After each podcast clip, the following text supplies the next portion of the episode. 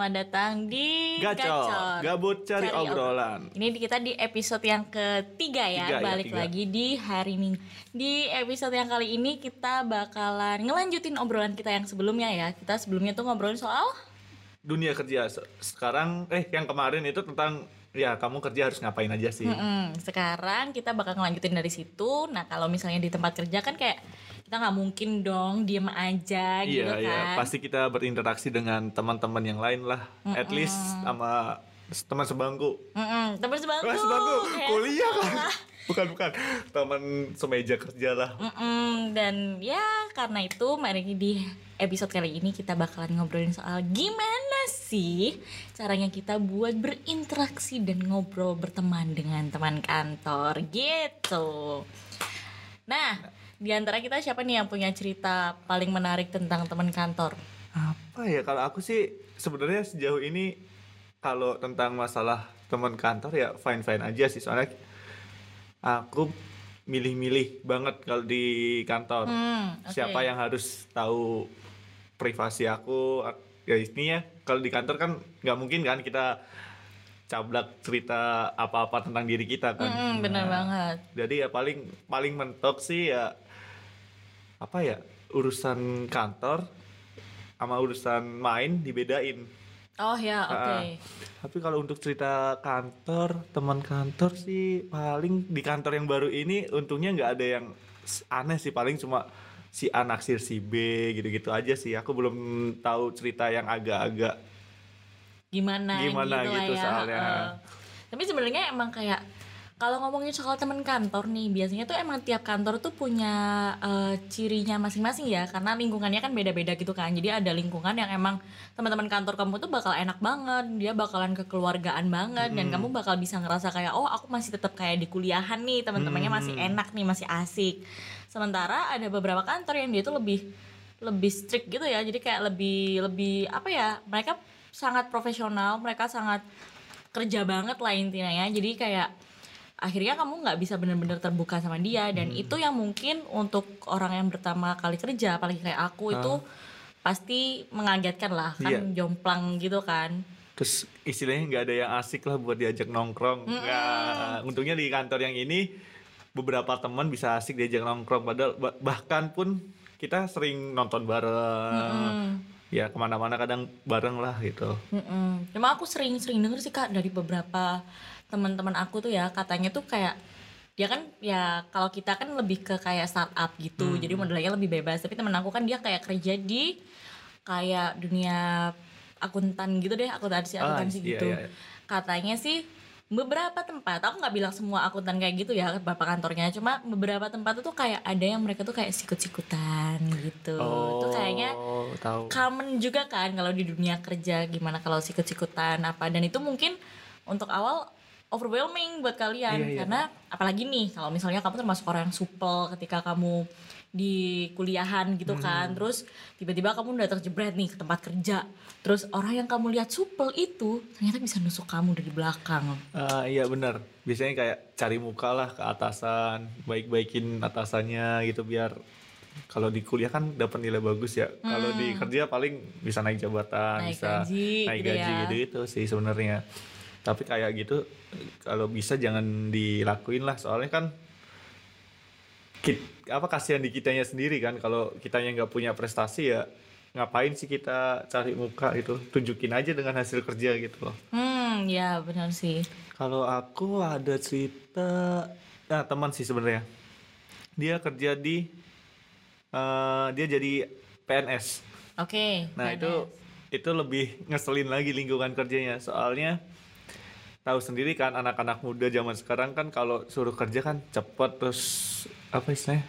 Kalau bisa cepet kelar lah, Oh, efektif iya. efektif lah, Ha-ha. efektif. Nah Nah di lingkungan kerjanya dia tuh kan istilahnya tahu sendiri kan bapak-bapak PNS sama ibu-ibu PNS kayak gimana kan pengen ah, ntar aja santai kok masih banyak terus dia kayak banyak project yang harus dikelarin tapi mereka santai terus ah ya udahlah ini mah gampang. Soalnya kan di PNS kan juga nggak terlalu ketat kan untuk aturan sana. Kalau nggak nyampe target nggak mungkin dipecat juga kan Ya, soalnya PNS nah temanku itu sampai sebel dengan budaya itu. Karena dia jadi kerjanya jadi terhambat gitu ya? Terhambat terus dia ya masa sih kita males-malesan? Kan kita kerja gitu loh. Nah sampai dia tuh kayak kesel banget gitu loh. Akhirnya dia mau ngepush ke orang-orang itu tapi ujung-ujungnya dia dimusuhin oh I see. Soalnya nggak sesuai sama lingkungannya gitu ya. Makanya itu lingkungan kerja juga kadang membentuk orangnya sih. Mau nggak mau kita harus ngikutin.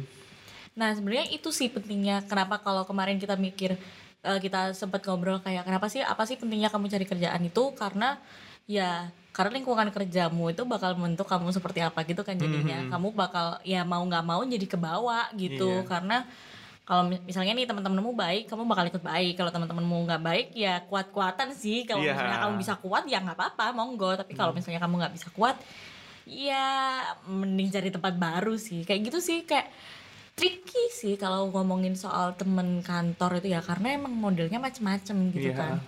Kalau dari aku sendiri pernah nih ini cerita dari temenku. Cuma banyak banyak yang kejadiannya kayak gini. Jadi kalau kita ngomongin orang banyak tuh ya pasti kan nggak jauh-jauh dari julid kan ya Iya, orang julid. sekarang Gibah, itu gibah. kan mm, suka banget gitu ngomongin orangnya tuh kayak eh gitu kan ya Eh, tiap tongkrongan harus ada kata-kata gibah Ya, pokoknya harus gibah itulah yang mempersatukan umat manusia lah Bener ibaratnya kayak banget, gitu. ah. Nah, sayangnya biasanya orang kantor tuh gibahnya eh, agak agak sebel gitu kan gibahnya Hmm. agak agak jahat gitu sih. Jadi kalau di teman kantor aku tuh ada yang biasanya tuh kenanya ke cewek. Jadi dia tuh cewek terus dia masih muda, umurnya masih kayak umur 20-an gitu, tapi posisi jabatannya itu udah udah tinggi misalnya gitu kan. Wah, gitu pasti udah gibahannya udah kayak, "Ah iyalah, dia kan bisa diajak keluar bos. Ah iyalah, dia kan deketin bos. Ah iyalah, dia kan jilat bos kayak gitu-gitu loh." Iya, terus iya, akhirnya tahu. kayak dia di di dimusuhi sama banyak orang gitu. Agak kasihan sih kayak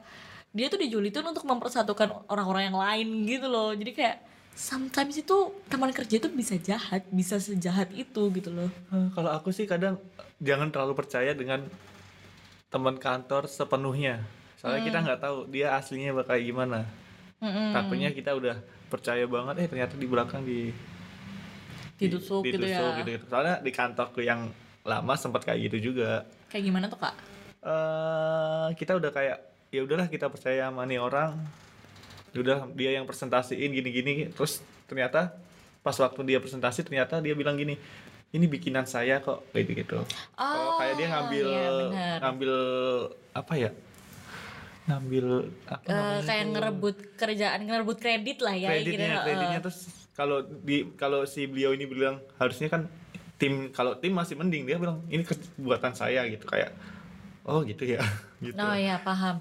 Dan itu kayaknya juga bakal common sih. Maksudnya kayak kamu akan menemukan orang-orang seperti itu, itu tuh di di hampir semua tempat kerja gitu kan. Iya, soalnya mereka pingin mereka yang show off tapi nggak punya effort untuk show off. Oh ya. ya kayak gitu benar. dia kayak males gitu loh. Tapi ah ini bagus nih gitu. Nah yang lucu lagi di kantor yang lama itu ada kita udah nge- temen nge- ngerjain project Mm-mm. project grafis gitu kan. Nah Mm-mm.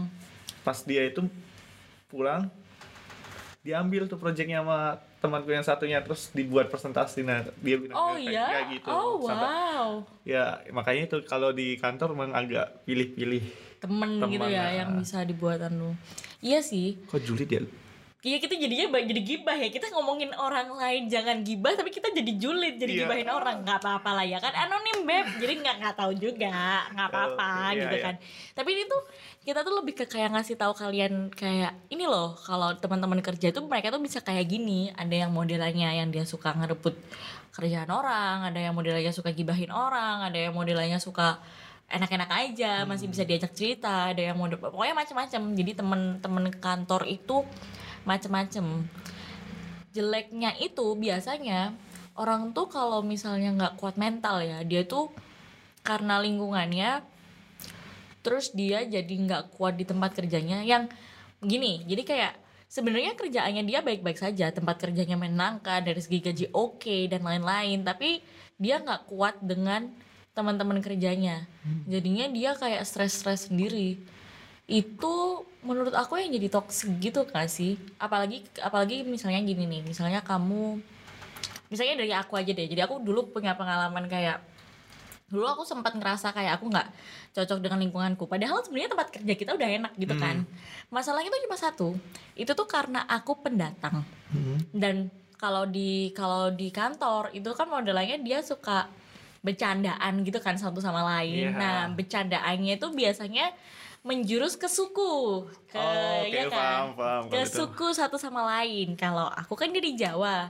Apalagi ngomongnya juga ya masih medok gitu lah Iya. ya. Ya you know lah gitu. Biasanya itu bercandanya eh, menjurus ke "Ah, apaan sih lo orang sana? Apaan sih lo orang sana? Eh yo lo bercandaannya bercandaan sini dong. Jangan pakai bercandaan suku mana tuh. Kayak Oh, gitu oke, gitu tahu, lah tahu, paham aku. Awalnya itu buat aku kayak ini mungkin aku baper ya mungkin aku baper tuh aku masih ke bawah kayak lingkungan lingkungan kuliah gitu kan. Jadi aku lebih kayak apaan sih kok bawa-bawa suku? Apaan sih kok nge- kok ngeren- nge- ngerendahin kayak gitu sih?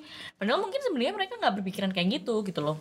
Jadi kayak itu mungkin ada ada harus dari kita sendiri gitu loh. Jadi kalau misalnya kita nggak kuat mungkin kita kayak ah apaan sih teman-temannya nggak enak? Resign ah kayak gitu. Baper ya baper. Mm-mm, jadi baper gitu kan. Padahal ya itu tuh sebenarnya bisa kamu atasin gitu loh. Kamu tuh nggak harus kayak gitu.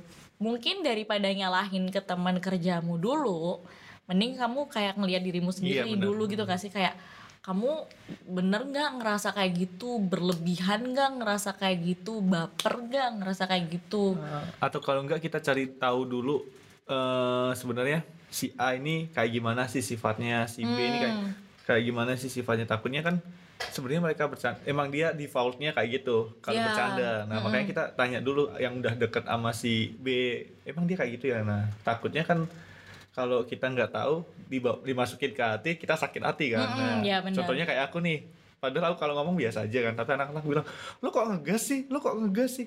Ngomong gitu aja ngegas padahal biasa." emang kita Jawa Timuran Iya, aja ya selalu ngomong Jawa Timur. kayak, aduh aku di Jawa Timur mah ini kalem. Nah, kayak gitu iya. kan. Terus makanya untungnya anak-anak di situ udah tahu. Jadi kayak ya udahlah emang si A ini kayak gini gitu. Jadi kayak ya udah kita nggak perlu baper kalau digituin sama orang gitu. intinya sih sebenarnya ini tuh nggak cuma nggak cuma di tempat kerja ya tapi di hampir setiap tempat baru kalau misalnya kamu ketemu sama orang baru jangan baper dulu gitu loh. Karena ya orang itu modelnya beda-beda gitu. Orang itu tipikalnya tipikalnya beda-beda. Kamu harus ya observasi dulu lah orang ini kayak apa sih? Terus kamu berusaha menempatkan diri di situ. Jangan keburu mengambil keputusan kayak ah nggak asik ah gitu. Padahal ntar bikin kerjaanmu jadi nggak enak padahal kamu butuh sama dia juga atau gimana? Kayak gitu. Terus lagi nih ada. Kalau kita kan biasanya ini tadi ngom- ngomongin soal ledek-ledekan kan ya? Hmm. Ledek-ledekan kan. Tapi biasanya kita kan juga istilahnya anak rantau nih. Nggak punya siapa-siapa di sini seandainya kan. Oke. Terus di kantor kita masa nggak mau curhat? Nah, Oh, nah, kayak ya, gitu itu kehidupan ha-ha. privasi nah itu kita harus pilih-pilih juga sama orang kantor. Kak. soalnya kan takutnya kita udah ngomong curhat atau panjang lebar ternyata dia dia nye- dia nyebarin. Ha-ha. nah, kayak gitu-gitu. Jadi kayak kita pilih-pilih orang lah kalau mau membagi urusan privasi kita di dunia di apa dunia kantor gitu. Soalnya kan nggak semua orang itu sesuai ekspektasimu. Hmm ya ya benar. kalau kamu cerita dia bakal diem aja terus disimpan sendiri gitu. Siapa tahu di belakang dia cerita ke si A terus si A cerita ke si B terus akhirnya nyebar semua tuh sekantor kayak gitu itu kan. Oh ya jadi kita bisa bedain apa ranah privasi kita sama kerjaan. Mm-mm.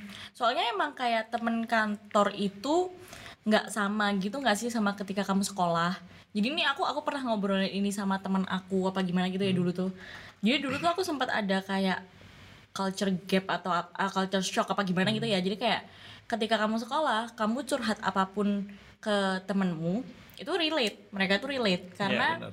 ya kamu punya pengalaman yang sama, kamu punya momen bersama yang kamu share bareng dan semua ngerasain. Misalnya kamu nggak suka sama dosen A, semua orang nggak suka sama dosen A Iya. itu gitu.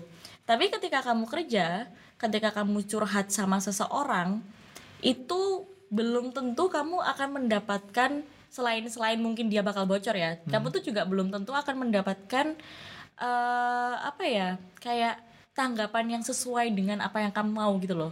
Karena orang walaupun kerja di tempat yang sama, mereka itu punya kepentingan yang berbeda. Jadi misalnya misalnya aku sama Kak Hikman deh Iya. kita kan kerja di tempat yang sama nih Iya. tapi kan aku divisi divisi brandcom Ah, Kak Hikman divisi grafis Iya.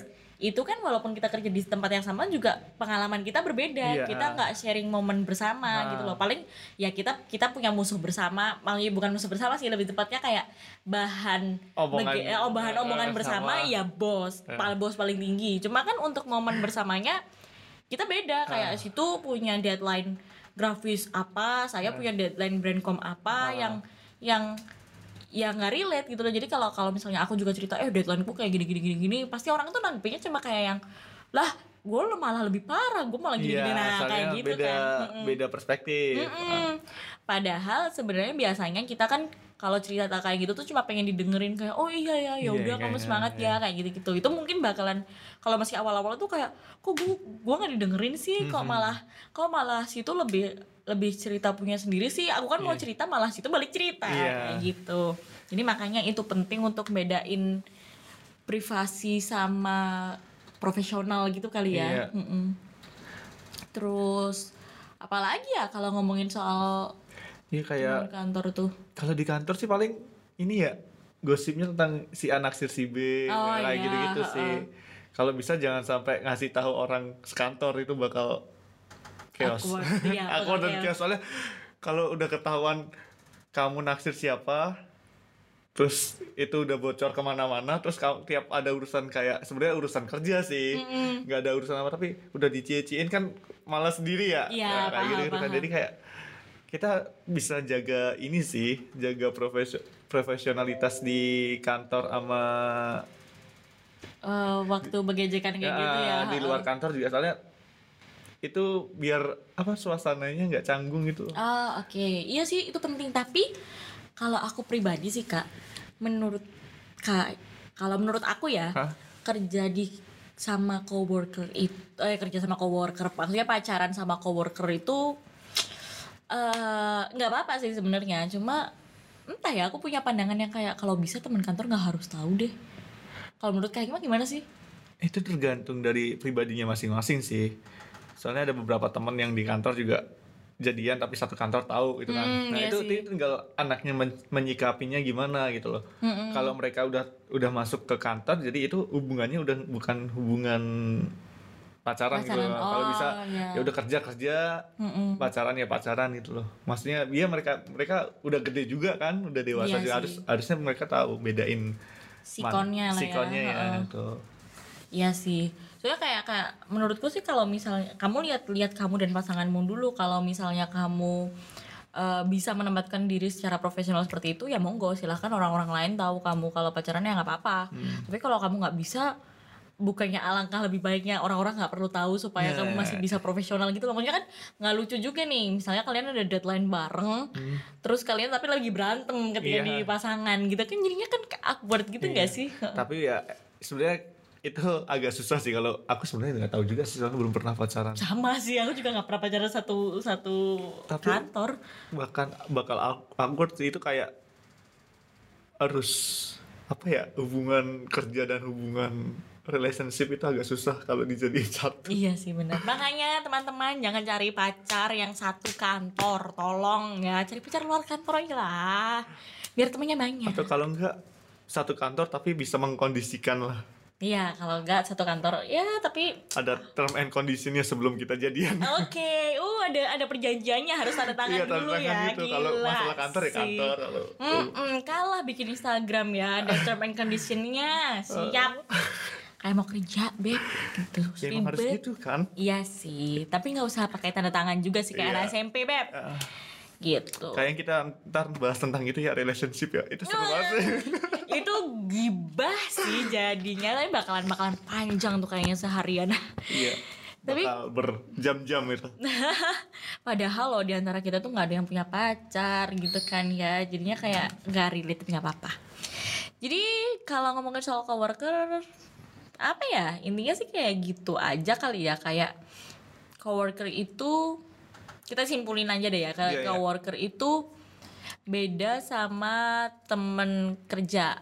Temen temen Eh, kerja. temen coworker itu teman kerja. Sama teman sekolah atau kuliah maksudnya? Eh, eh, beda sama teman sekolah sama teman kuliah kamu. Jadi kalau kamu harus bisa menempatkan posisimu sendiri gitu loh untuk membedakan antara kehidupan pribadimu sama kehidupan kerja kamu. Karena kok kehidupan profesional sama kehidupan sehari-hari itu nggak bisa disatuin ya Eh, nggak bisa nggak bisa Nggak bisa kan, soalnya itu dua hal yang berbeda kan hmm. kalau kehidupan sehari-hari kan buat have fun Hmm. buat ya istilahnya cari kesenangan lah ya kalau di dunia kerja kan kita nyari duit Nah ya Profesional. benar profesional.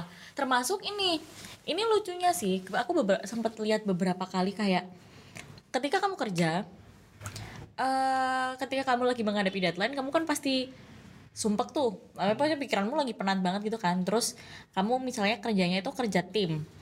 Salah satu timmu ternyata anu tuh bermasalah tuh salah satu timmu. Misalnya nih kamu kerja editingan gitu kan kerja editingan kamu syuting atau apa tiba-tiba jebret teman kerjamu ngilangin kerjaan kamu. Wah Hmm, itu kan kamu pasti emosi tuh. Kamu pasti marah sama dia. Iya. Kamu pasti marah sama dia dan ya marah kalau lagi deadline itu kan pasti jelek banget kan marahnya udah yang kayak gitu kan. Terus lucunya itu itu kejadian dari teman aku ya. Lucunya ketika itu ada di dunia nyata maksudnya ketika mereka sudah tidak bekerja lagi mereka fine. Iya emang harusnya kayak gitu. Iya bagus itu yang itu yang susah gitu loh. Eh, sebenarnya kalau di untungnya aku udah sering kerja di media kan. Maksudnya sebelum kantor sebelumnya juga media kantor sekarang juga istilahnya juga media juga. Mm-mm.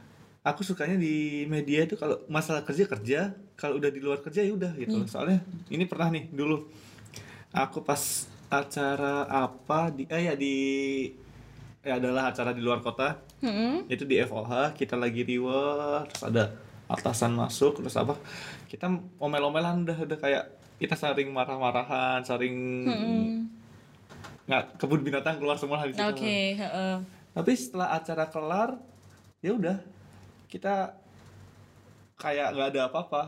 Kayak ya udah gitu. Ya udah cuma i- di situ aja gitu loh untuk marah-marahnya. Soalnya kita udah doing do something gitu loh. Udah, Udah melakukan yang terbaik untuk Oke, show-nya itu. Jadi ha-ha. kayak ya udahlah gitu.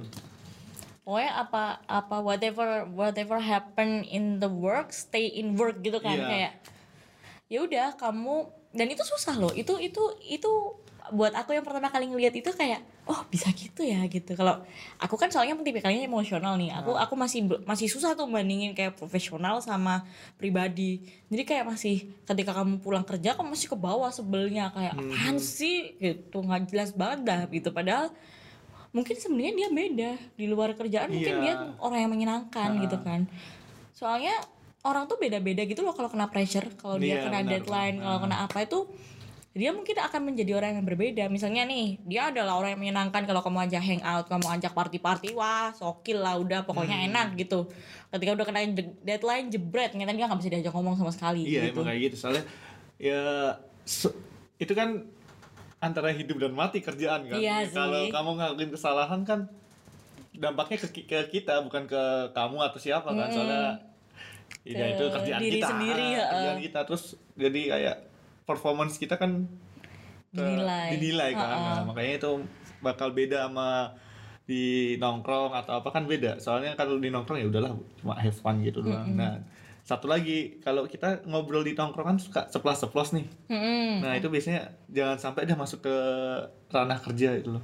Oh ceplos-ceplos itu ya, ya nah, soalnya kan takutnya kita ceplos apa nyeplos apa gitu kan terus di kerja jadi kayak awkward oh terlalu Awkward. menyinggung gitu ya ah, mending mending yang stay di tempat tongkrongan stay di tempat tongkrongan yang stay di tempat kerja tempat kerja Ah, jadi iya kayak sih. kita harus membagi Iya paham. Jadi kayak misalnya kamu kalau misalnya lagi nongkrong sama orang kamu bisa dengan gampang bilang goblok lu apaan sih anjing Iya. kayak gitu. Tapi ketika dia lagi ada kerjaan terus kerjaannya nggak beres nggak bisa dong kamu langsung bilang Iya, goblok lu anjing gitu iya. ya. Itu eh definisinya berbeda Iya. jadinya. Jadi intinya kita berteman dengan rekan kerja boleh-boleh aja. Mm-mm. Bahkan sampai kita nongkrong boleh, tapi kita harus bisa istilahnya apa ya? Bikin tembok yang kerja-kerja, yang Ya, nongkrong. nongkrong. heeh.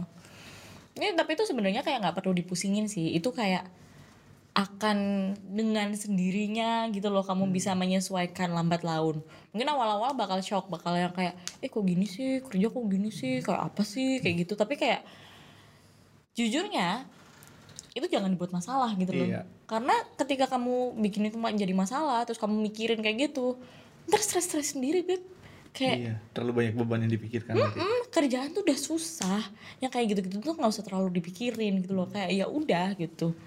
Eh jalanin aja. Ntar juga bakal tahu oh alah nah anak ini tipikalnya kayak gini. Oh alah anak ini kayak tipikalnya kayak gini. Kayak ya udah gitu.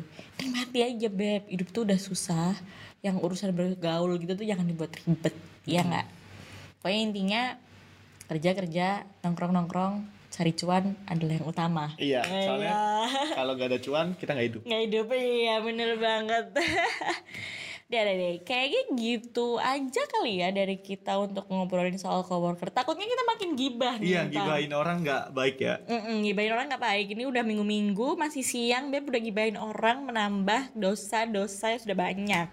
Jadi mungkin segitu dulu dari kita hari ini. Oh iya, kalau misalnya teman-teman ada pengen gini ya, misalnya pengen sharing atau apa gitu, mungkin bisa langsung sharing ke kita di email apa di mana. Ya, udah kayak gimana. Nanti kita share deh apa ya, kontak kontak kita ya yang Mm-mm, misalnya kalian punya topik, eh aku di kerjaan ada gini nih kak, gitu. Nanti kita mungkin bakal bisa sharing-sharing bareng gitu.